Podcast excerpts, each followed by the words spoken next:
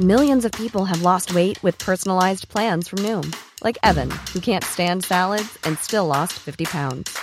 Salads, generally, for most people, are the easy button, right?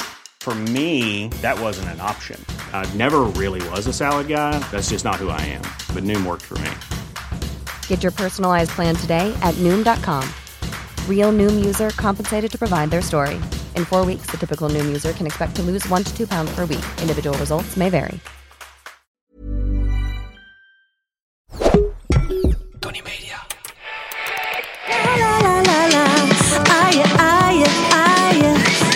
Met me mee. Ja, dit was Fanny V. van der Lingen met het nummer Aaien. Ja, luisteraars, eh, welkom bij Darmstad FM, het nachtradioprogramma... waarin ik, Tina de Bruin, samen met mijn gasten... langs de haarspeldbochten van de persoonlijke schaamtebergkluw...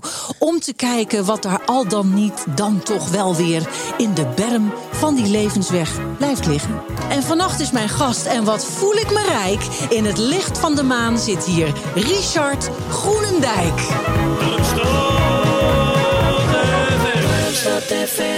Ja, Richard Groenendijk. Goeienacht. En van harte welkom. Ja, dankjewel. Ja, Richard, dit, dit, dit is een podcast. We hebben eh, geen camera's. Het wordt niet opgenomen. Er staan hier camera's, zoals je Wat ziet. zonde is, want we zien er heel goed uit. We, we zijn echt op ons best. Om door een ringetje te halen. we zitten te glimmen, maar niemand die het zal zien. Die deze tractatie voor het netvlies eh, zal gadeslaan. Dus Nee. we moeten maar van elkaar genieten. Ja, dan doen we dat toch. Eh, maar als er een camera aanstaat, let je dan nog op, op bepaalde dingen? Of... Nou, het grappige is dat ik, eh, dat ik da- daar vroeger veel meer mee bezig was dan nu. Je gaat er natuurlijk op een gegeven moment ook aan wennen dat je jezelf ziet. En voor mij was de grote doorbraak toch wel twee jaar geleden... toen ik eh, meedeed aan een film, eh, Casa Coco... die nu pas in de bioscoop is.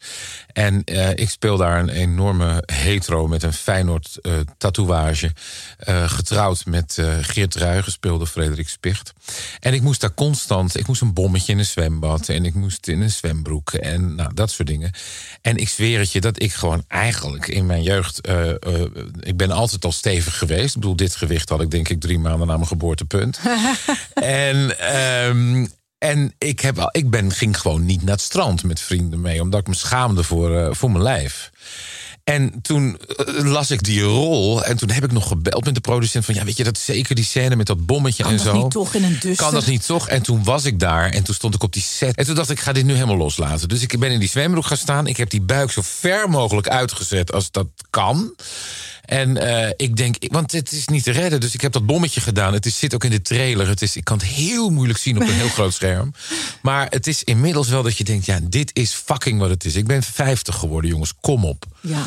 Ik wil me niet meer met dat soort dingen bezighouden. En nu we toch hier eh, ja, eh, eh, zitten, zou ik eigenlijk eens willen vragen, Richard. Meestal, hè, als je ergens bent, dan word je geïntroduceerd. Dit is hem, Richard Groenendijk. Ja. Luistert u eens even. En ik zou jou willen vragen, Richard, wil jij jezelf introduceren? En hoe zou je dat dan doen? Nou, ik ben Richard Groenendijk. Ik ben volgens mij best wel een aardige echtgenoot. En goede vriend. En een best redelijk succesvolle cabaretier. Die heel veel nevenactiviteiten heeft gedaan. En ehm, Zoals? wat ste- Nou, wat niet. Ik heb, ik heb in series gespeeld. Ik heb eh, de, de, nou ja, inderdaad, podcast. eh, noem maar wat musicals gedaan. Dat alles. Maar ik merk dat televisie heel veel. Maar ik merk eh, de laatste jaren, en zeker tijdens de coronapandemie, dat ik eigenlijk maar één taak heb. En dat is mooie theaterprogramma's maken. En daarnaast doe ik heus nog wel dingen. Maar ehm, ik merk dat ik nu ik ouder word steeds veel. Dat ik vaker nee tegen dingen kan zeggen. Kan ik heel moeilijk. Dit, eh, eh, Richard, is een eh, programma over schaamte. Ja. En nu heb jij hier een aktentas op de tafel gezet met schaamte erin. En ik Puilt uit. Hij puilt uit, mag ik wel zeggen. Er hangen heel wat dingen uit. En ik, ik ben benieuwd, zou er eens eentje tussen... Nou, we tussen hebben het lijf net al een beetje behandeld. Het lijf hebben we lekker aangetikt, maar daar kunnen we gewoon op door, hoor. Daar op kunnen we gewoon op door, ja. Dat kan altijd.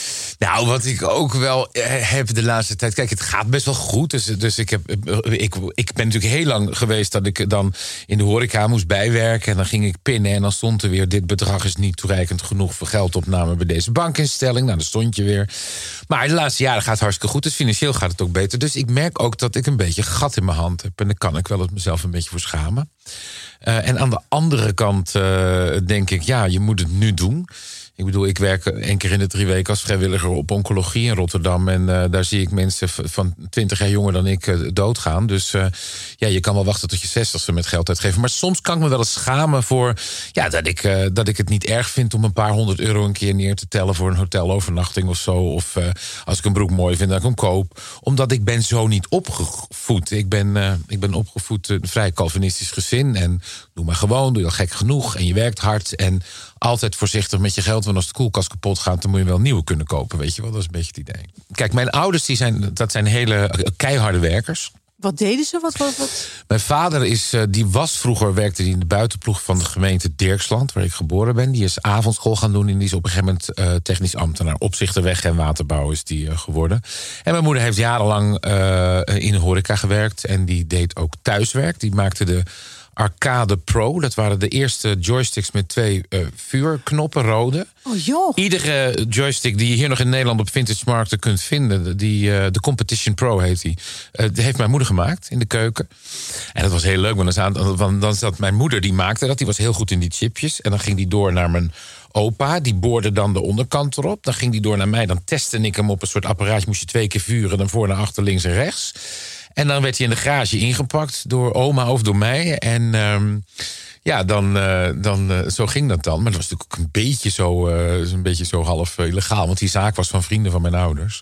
Dus als dan de bel ging, dan ging dat hele gedoe uit die bijkeuken de keuken in. Dan stonden de kopjes al op tafel en dan waren we koffie aan het drinken. Oh, net aan doorlopen, werd er dan gezegd. Ja, ze, jaren tachtig, volgens mij is niet meer strafbaar toch nu?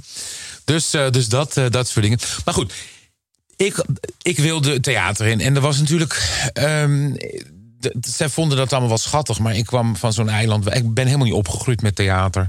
Ik had wel een plaat van Toon Hermans. Maar dat, en op een gegeven moment was ik elf en toen hoorde ik de winnares van Cabaret, een totaal onbekende meisje.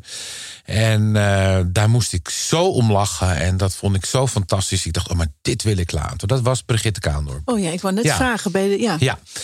En ehm, nou ja, goed. Toen ben ik heel veel amateurtoneel gaan doen. Heel veel gaan kijken. Ook brachten mijn ouders me wel ook bij voorstellingen van Brigitte... en van Toon Hermans en van Joep van het Hek... en nou, alles gezien. In het oude Luxor Theater. En toen deed ik op een gegeven moment mee aan kameretten.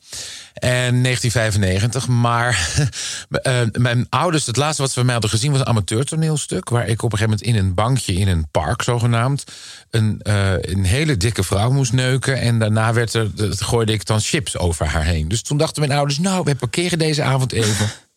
En voorlopig hoeven wij niet. eh, laat hij dat, het gaat wel over. Het gaat wel over zo. Dus toen, eh, op een gegeven moment waren zij. eh, toen stond ik in de halve finale van oude Luxor. eh, van het kameretten. En toen had ik ook tegen mijn ouders gezegd: Kom, kom maar niet. Kom maar. Ik schaamde me. Weet je wel. Want oh god, dat vinden ze allemaal niks. En doe maar niet. Nee, zegt mijn moeder, wij komen niet. Ik was natuurlijk totaal geobsedeerd bezig met, dat, met die voorstelling. Nou, dat ging hartstikke goed. Op de halve finale. In, een, met een soort aplomb had ik die zaal te pakken. En toen stond mijn vriend, ex-vriendin, toen, want ik was net uit, want ik heb nog vier jaar een vriendin gehad, die stond met een bloemetje van mijn ouders in de kleedkamer. Ze zei, ja, dan moest ik je ouders geven en een succes nog wensen. En meteen dacht ik, mijn moeder kennende, met geen spanpaarden, natuurlijk als haar kind in het Luxor staat, dat zij er niet is. En toen waren, ik zeg, ga ze maar halen, want ze zijn er. Nee, nee, nee, want die had natuurlijk de opdracht gekregen, we zijn er niet. Nee, nee, ik zeg, jawel. En toen ging ze ze halen. Nou, toen stond mijn vader helemaal met tranen in zijn ogen, want die wist helemaal niet dat ik kon zingen en dat ik, ik had ze natuurlijk na dat, dat seksdebakel op dat had ik ze heel erg, want ik weet je wel, eh, de buiten. Dus toen heb ik tegen hem, toen zei mijn vader, als dit is wat je wil, ga ik je helpen. Eh, eh, financieel, ik zal je boekhouding doen. En ga er maar voor. Want ze zagen toch wel dat ik wat kon. Nou ja, dat is toen zo gegaan. Toen zei ik tegen hun. Als ik ooit in Carré kom. En toen zei mijn moeder: Ja, ja. Zei, dan laat ik jullie ophalen. Met een hele chique auto met chauffeur. En dan slapen jullie in het Amstel. En dan zit je in de Koninklijke Loge. op de plekken van Beatrix en Klaus. Dus dat werd natuurlijk een beetje fnuiken. Het zal allemaal wel. Maar toen was ik op een gegeven moment heel veel later. eh, Een jaar of 46, vier jaar geleden. En toen stond ik voor de eerste keer in eh Carré.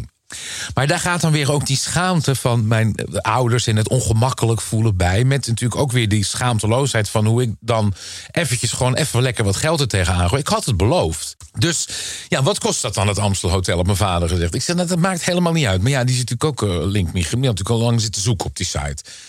Kwamen mijn ouders eh, eh, dat Amstel binnen. Toen was er een fout gemaakt met de kamers. Dus zij kregen een upgrade naar de suite van Madonna. Zo werd het gezegd. Dus mijn moeder, ja, maar mag dat dan? Ik zeg, ja, maar Madonna heeft, daar slaapt ze dan. Maar verder heeft zij daar geen zeggenschap over. Ik zeg, maar ik kan er even bellen, maar ik denk dat het wel goed is. Oh ja, nou, tas op de buik natuurlijk. Want het is wel Amstel, maar blijft Amsterdam. Dus ze gingen die kamer in. En, ehm, en alles is daar natuurlijk goud en marmer. En nou ja, inderdaad, schaamteloos. eh, prachtig gemaakt. En het enige wat mijn moeder dan tegen mijn vader zegt... Kijk, John, pantoffels. Waarop die man zegt: Ja, en die mag u houden. Zegt mijn moeder: Nee, nee, meneer, dat gaan we niet doen. Ik heb nog nieuw in een doos staan. Verslijt ik mijn leven niet meer die ik nu oploop. Zijn ook nog goed. Allemaal goed. Nou goed, s'avonds zij in de Koninklijke Loge. En eh, het is een beetje zo'n ongeschreven regel. Dat weet je misschien als cabaretiers voor de eerste keer solo in Carré staan, dan mag je dat benoemen. Ja. Dus het, ik schoot daar zo in. Ik weet niet eens meer hoe ik dat precies deed. En uiteindelijk zei, ik- vertelde ik dat verhaal van ooit aan mijn ouders beloofd, weet je wel. En nu, eh 25 Krijg je jaar allemaal een sausijsbroodje van mijn moeder na afloop. Ja, precies. En toen had ik gezegd, nou oké jongens, heel, eh, heel cheesy en ontzettend Oprah Winfrey. Maar pa, ma, je kind staat in Carré. Waarop mijn vader was gaan huilen. En die, waarop mijn moeder had gezegd, John, doe normaal. Heel Carré, kijk naar ons. Zo heel erg zo mompelen. Ja, ja. Waarop mijn vader had gezegd, jij hebt geen hart. Oh, echt waar? Verschrikkelijk. Dus dat was ook weer zo'n goed verhaal. Inderdaad, van dat ze zich eigenlijk ook een beetje geneerden voor. Weet je, het was natuurlijk groot in hun, in hun optiek. En ik dacht, ja, nou ja, kan het me schelen, weet je wel. Ik heb het gewoon beloofd aan ze. Ik moet het doen. Ik en dat- verwen ze voor al Ja. de moeite. ja, en dan kijk ik ook niet naar die rekening en dan haal ik schaamteloos die pas door dat ding. En dan denk ik, nou ja, God zegen de greep, alles op de zaak. En morgen zien we weer wel dat idee. Ja. Vind ik een hele en ze goede nemen het me nooit meer af. Oh, Ach, we hebben een beller. midden in de nacht. We hebben gewoon een beller. Ja, hallo, je spreekt met Francisca Vogel. En eh, ja, ik moet zeggen, ik luister nou al een paar weken naar Darmstad FM. En eh, vind ik eigenlijk ontzettend leuk. Want ja, schaamte, dat heeft natuurlijk iedereen natuurlijk eh, met zich mee te dragen. En, eh, dus ja, vind ik sommige dingen ook wel herkenbaar. En eh, ja, nou, is- nou zat er toevallig iemand waarvan ik dacht, nou ga ik, ga ik een keer inbellen. Ik wilde eigenlijk al weken inbellen, maar nou hoorde ik Richard Groenendijk. Ja. Ja. En toen dacht ik, Richard Groenendijk, ik ga gewoon inbellen. Dus, eh, nou, hallo. Hallo. Wat fijn. Ja, nou, ik ben dus Francisca.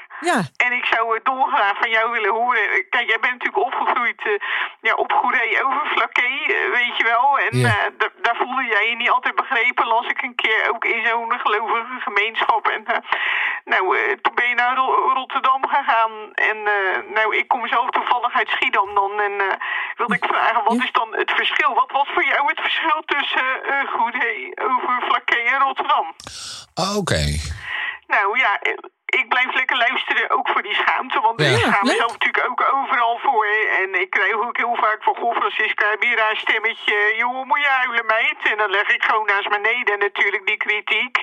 Maar ja, soms Ja. komt er wel een beetje schaamte aan te pas natuurlijk. En eh, nou, dat eh, Ja. leg ik zo snel mogelijk van mijn schouders af. En eh, dan loop ik gewoon verder. Dus nou, een hele fijne nacht. En eh, nou, ik bel misschien nog wel eens een keer in. Ja, doen, Oké. doen. Doen. Groetjes van Francisca. Jo, doei Dag. doei. Hoi. Ja.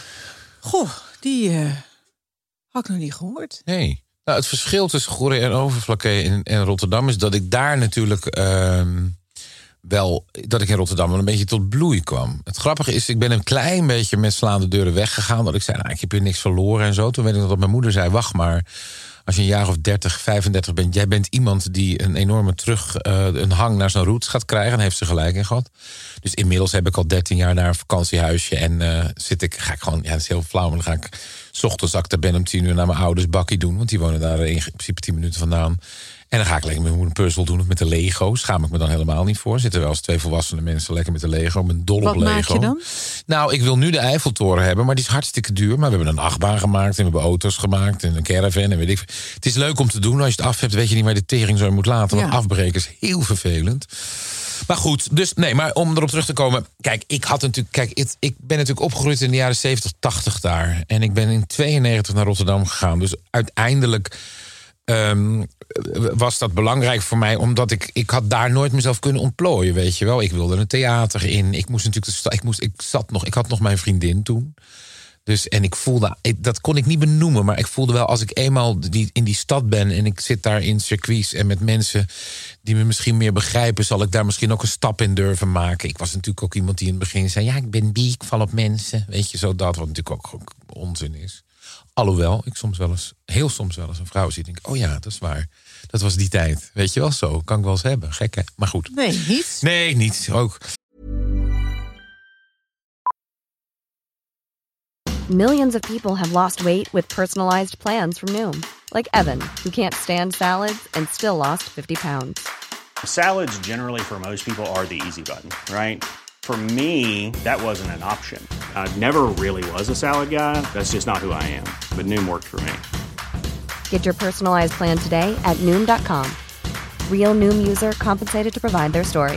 In four weeks, the typical Noom user can expect to lose one to two pounds per week. Individual results may vary. A lot can happen in the next three years. Like a chatbot may be your new best friend. But what won't change? Needing health insurance. United Healthcare Tri Term Medical Plans are available for these changing times. Underwritten by Golden Rule Insurance Company, they offer budget friendly, flexible coverage for people who are in between jobs or missed open enrollment. The plans last nearly three years in some states, with access to a nationwide network of doctors and hospitals. So, for whatever tomorrow brings, United Healthcare Tri Term Medical Plans may be for you. Learn more at uh1.com. Maar ehm, dus, dus uiteindelijk eh, was, was dat wel het verschil. En ik was wel, ja, ik weet niet of je ooit wel eens van mijn beeld hebt gezien. Ik heb toevallig pas gepost op internet. Ik heb het gezien. Ja, als, als kind van, nou wat was ik, acht, negen jaar. Ik was natuurlijk sowieso een heel meisjesachtig jongetje. Ik was altijd al te dik. eh, maar ik was echt, ik had heel erg zo'n stemmetje. En als ik dan eh, met mijn ouders bij vrienden kwam... die ook weer vrienden op visite hadden... dus die ons helemaal niet kenden, mijn gezin... dan zeiden ze gewoon tegen mijn ouders... dat is jullie dochter, zo'n flinke meid, hè, al. Nou, dat, dan, dat was de schaamte, dat, dat vond ik het allerergste. Ja, dat snap ik. Ik denk dat ik me het meest geschaamd heb voor mezelf toch in mijn kindertijd. Dat, dat, dat ik, vond ik zo ingewikkeld.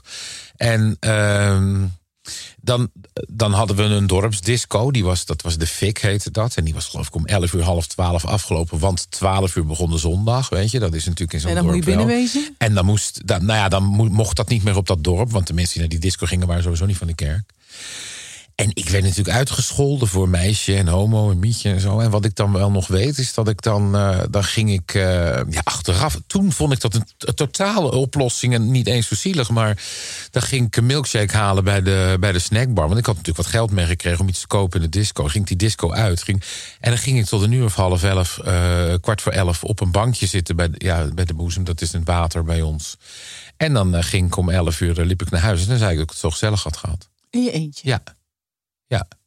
En later had ik wel, had ik wel een vriendin, eh, Marianne. En dat was wel heel leuk. Maar toen was ik wat ouder en gingen we wel samen. Hebben we een hele toffe avonden gehad hoor. Dus het is, maar dit was eigenlijk achteraf. Is het natuurlijk te treurig voor woorden. Dat jij als kind dan daar gaat zitten.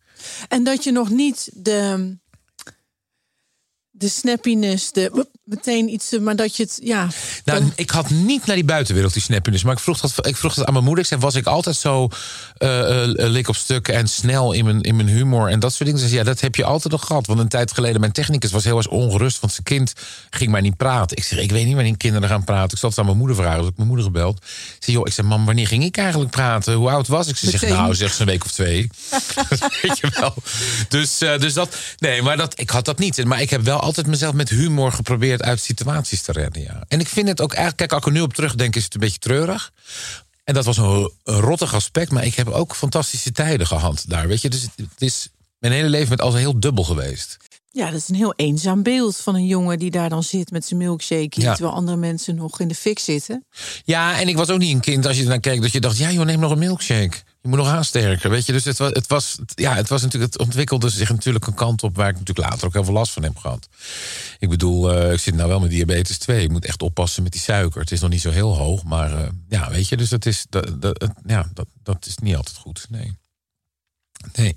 Het wordt nu heel zwaar. Of, eh, Helemaal niet. Nee, ik bedoel, oh. we hebben toch allemaal onze. Zeker. Kijk, we zijn wie we zijn door, door wat je meemaakt. En iemand die door ogenschijnlijk door het leven heen glijdt vanaf het begin. Ja. Ehm, kijk, dat is wat ik zeg. Het levert ook wat op. Zeker. Het heeft waarschijnlijk gemaakt wie je nu bent. Ja, weet je, ik weet nog dat mijn vader, want, want dan had ik goede recensies, daar ging het goed, maar dan, ja, dan, dan ging ik toch, moest, ik- dan werd de voorstelling in Hogeveen gecanceld omdat er elf kaarten waren verkocht. En dan zei hij, jee, ik snap het maar niet. En dan zei ik, pap, kom goed. Ik heb altijd geweten dat het goed kwam.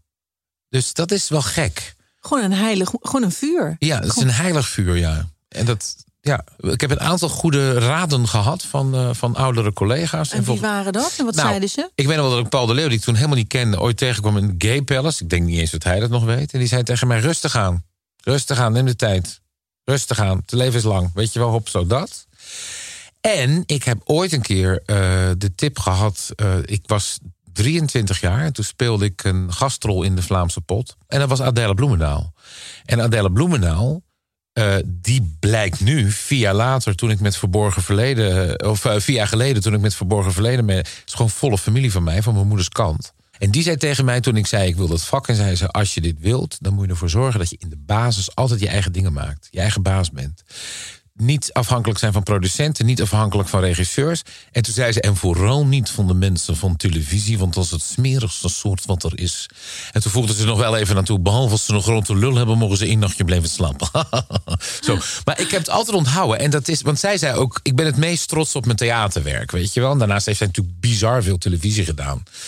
Maar die stond ook maar carnavalshits te zingen tegen, tegen de klippen op... waar ze helemaal geen zin in had. Maar daar verdienden ze natuurlijk Ja. gewoon mee. Weet je, dat snap ik ook wel. Maar daar heb ik altijd onthouden. En zeker nu de laatste tijd... Die, die, dat, nou ja, dat hele gedoe rondom eh, de, de, de wereld door... weet je wel, kwam... dan denk ik, wat ben ik blij dat ik gewoon met mijn technicus... En Tom die me rijdt, gewoon even... dan gaan we heerlijk naar Heerlen of naar Meppel. Dus dat is wel fijn, ja. Dat heb ik altijd onthouden. Het En druk. gaat bellen? Ja, we zijn populair. mensen gaan bellen. Ja, dat zou ik ook doen. Ja, goeienacht, hallo, dag. Je spreekt weer met Freek natuurlijk, want ja, ik luister natuurlijk weer. Hi Richard. Hallo. Ja, ik zit te luisteren naar, eh, naar een gesprek van jullie en ik vind dat hartstikke mooi. Echt Fijn. waar. Ja. Fijn, Freek. Daar kom ik ook van tot rust, want ik heb natuurlijk weer een halve day achter de rug met Karen, dat is mijn vrouw. Nog wel, zou ik er wel bij willen zeggen. En eh, ja, Richard, Ja. dan heb ik voor jou meteen een vraag. Ja, dat mag. En dat is. Jij zet je natuurlijk in voor de LGBTQIA plus gemeenschap. En eh, zeker ook voor de oudere senioren. En Ja. ja daar heb je ook een heel mooi nummer voor geschreven. Ik hoop het wel. Ja. Ja, dat is een schitterend nummer, Richard. En dan wilde ik eens vragen, ja, die senioren, die zijn natuurlijk kwetsbaar, hè, in het algemeen natuurlijk. En eh, Ja. ja, een eenzame groep. En dan wilde ik eens aan jou vragen, wanneer is Richard voor het laatst eenzaam geweest? Ja, dat wil je dan toch weten. Ja. Ik luister lekker. En Goed ik ben zo. benieuwd naar jouw antwoord, Richard ook. Ja, ja, ja. Groeten van Freek. Ja, dankjewel. Ja. Voor het laatst eenzaam. Nou, dat is wel een tijd geleden, moet ik zeggen. Ik voel me altijd wel gedragen en ik kan sowieso eh, goed alleen zijn. Maar ik heb wel. Kijk, ik ben nu 13 jaar samen met Marco. En ik kon me wel eens eenzaam. Ik, ik, ik had nooit zo'n Anschluss in de, de gay scene, weet je wel. Dus ik ging dan wel uit. Maar ik ben natuurlijk ook helemaal niet. Kijk, daar hoef ik. Ik zit niet in complimentjes te vissen. Ik vind mezelf helemaal geen lelijke jongen. Maar ik heb niet de seks aan mijn kont hangen. En in de. Herkenbaar. Ja, maar jij hebt een hele knappe man gescoord, dus dat is wel goed. Dat zit wel snoei. Dat zit wel snoer met de man van Tina, maar... eh, nee, dus... En, het- als ik, en ik wist, ik kan ook niet flirten. Ik weet helemaal niet hoe dat werkt. Ik, als, als ik flirt, is het alsof ik een tia krijg. Dat is, niet, dat is verschrikkelijk. Maar flirten mensen met jou? Nou ja, dat, mijn, Tom, mijn tourmanager zegt dat dat zie je helemaal niet. Maar ik zie het niet.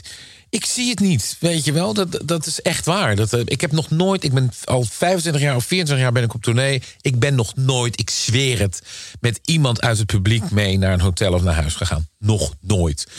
Seks, drugs en rock'n'roll. Ik zei het in mijn vorige programma al. Ik heb ooit, nou ja, weet je, dat, inderdaad, dat ze dan hele hotelkamers verbouwen en met de orgies. Ik, ben, ik was er niet bij. Echt, ik heb ooit één keer een Toblerone tegen de muur gegooid met Van de Valk. en dat was het. Zet toe.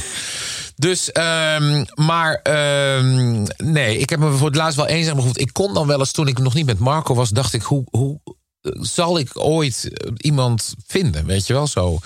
En dan zat ik, was ik in zo'n kroeg en dan was iedereen aan het dansen. Ik kan sowieso, ben ik nooit een uitgaanstype, want ik snap het hele systeem niet. Je bent in zo'n kroeg of in zo'n club. De disco noemde ik dat dan nog, maar dat moet je nu club noemen, weet ik veel. Het is gewoon disco?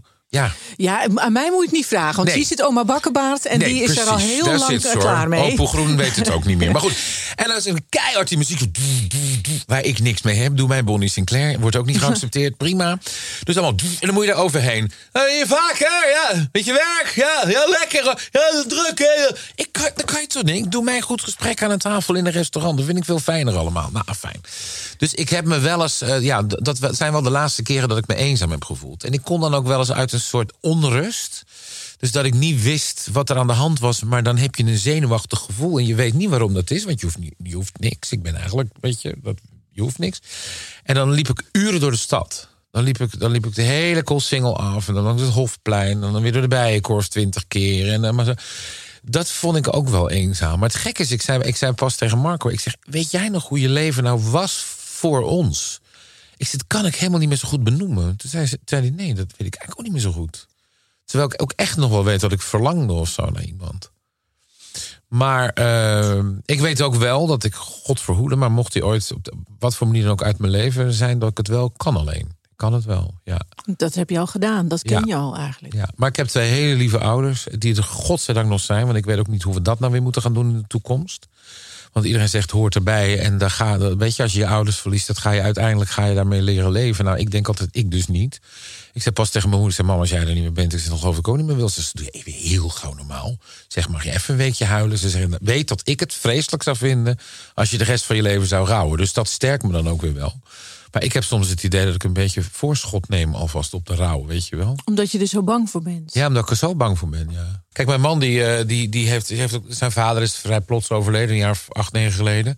En die heeft ook dagelijks contact met zijn moeder. Nou is het ook wel dat hij is gevlucht vanuit Joegoslavië, uit de oorlog daar, is Bosnier. Toen hij heel jong was, tien. En eh, dus dat he- schept, gek genoeg natuurlijk, dat schept een enorme band, weet je wel. Ja. Die moeder is die kwijt geweest in de oorlog een tijdje, die was neergeschoten waar die bij zat. Nee, een lang verhaal. En de, de, de- dus dat, dat, dat heeft daarmee te maken. Maar wij kunnen ons dat niet voorstellen. Dat we, terwijl wij niet een hechte... Ik heb geen hechte familie met neven en nichten en zo. Sowieso ben ik enig kind, zou je niet zeggen. Maar dat ben ik wel. en, eh, dus, en mijn vader ook. Dus die familie is niet zo groot. En eh degene die, er, eh, die echt, waar ik heel diepe band mee had, zijn overleden. Dus, dus ja, het is, het is een heel klein, klein clubje, ons gezin, zeg maar. Het is eigenlijk pa, pa, maar ik en Marco. Marco en ik. Dus dat. Is hij wel klaar? Er wordt, eh, nee, er wordt nog nog Oh, een keer er gebeld. jij er bent. nou Dit is natuurlijk heerlijk. hè. Hallo. Ken haar. Ja, je spreekt met Andrea Pierle. Hallo. En ik zit te genieten, joh, van Darmstad FM. En dat komt door jou, Richard. Dankjewel. Ja, Richard, dat komt door jou. Want ja, jij bent natuurlijk een entertainer. Eh, en je, jij bent een woordkunstenaar, liedkunstenaar. En eh, ja, daar geniet ik enorm van. Daar heb ik ook bewondering voor. En eh, ja, jij, jij, jij pakt mensen bij de kladden hè, met woorden en met liedjes. Je pakt ze bij de lurven. En ik mag ook heel graag mensen vastpakken. Ja, ja. Ja, ik weet het. Bij het lurven en kladden, maar dan natuurlijk op een hele andere wijze. En eh, daar heb ik eigenlijk een vraagje voor jou, Richard. En Ja. dat is, ehm, kijk, je, je bent een kunstenaar. Je hebt de Polifinario gewonnen natuurlijk ook, hè? voor jouw programma, voor iedereen beter. En eh, nou ja, het juryrapport dat looft er niet op dat je een van de beste entertainers van heel Nederland bent. Nou, dat zal je maar gezegd worden.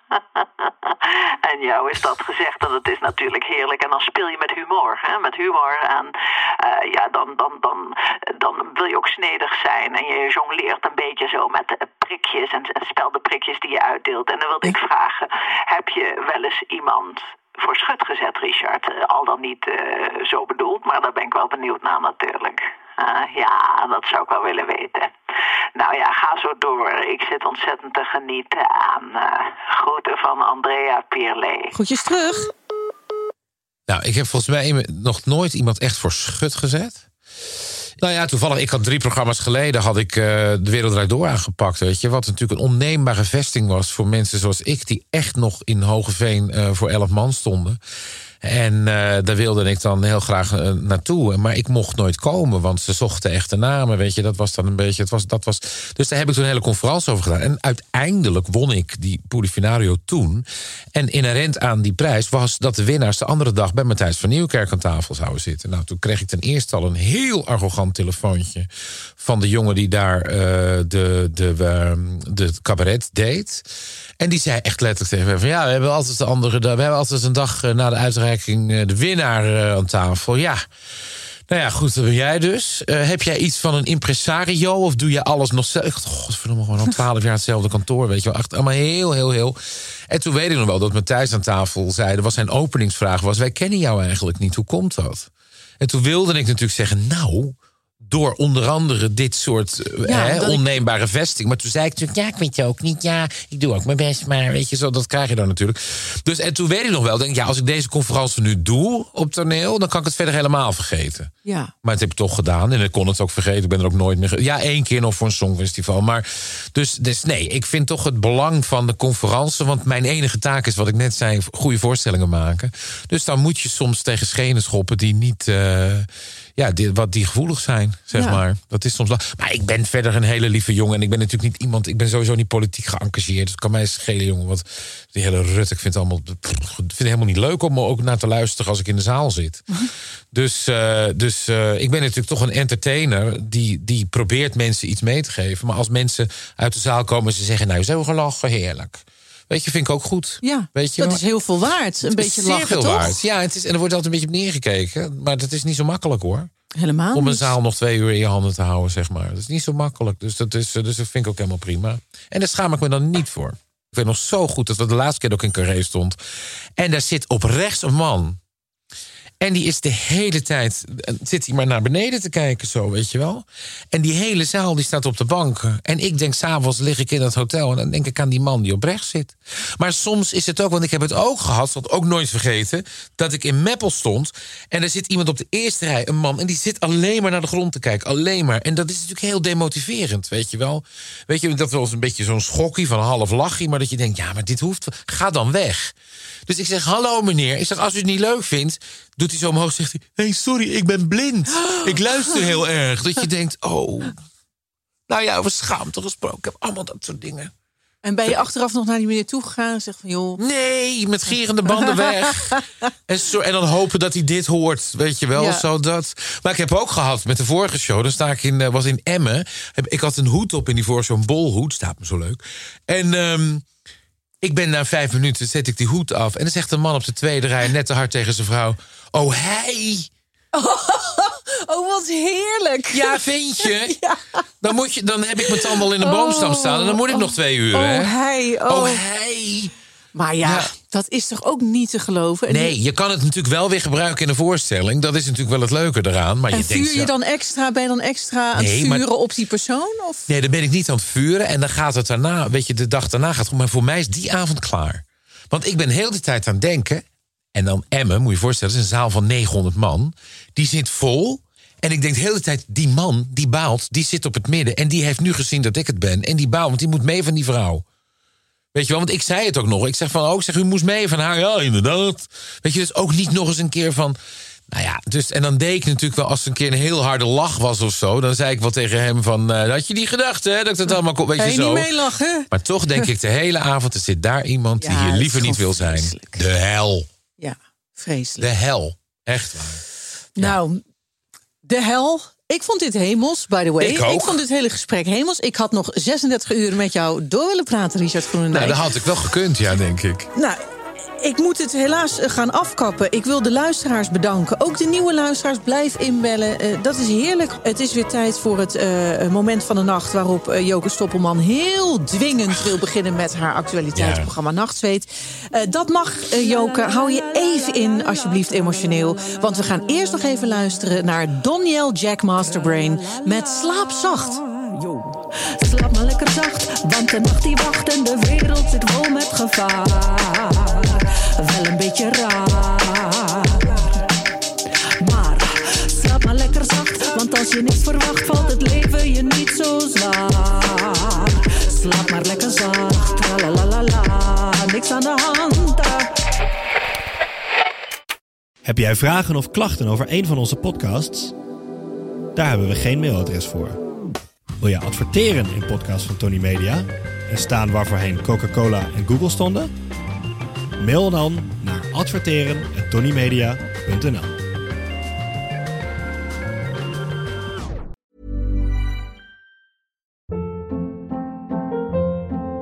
Hold up. What was that? Boring. No flavor. That was as bad as those leftovers you ate all week. Kiki Palmer here, and it's time to say hello to something fresh and guilt-free. Hello Fresh. Jazz up dinner with pecan-crusted chicken or garlic butter shrimp scampi. Now that's music to my mouth. Hello Fresh. Let's get this dinner party started. Discover all the delicious possibilities at hellofresh.com.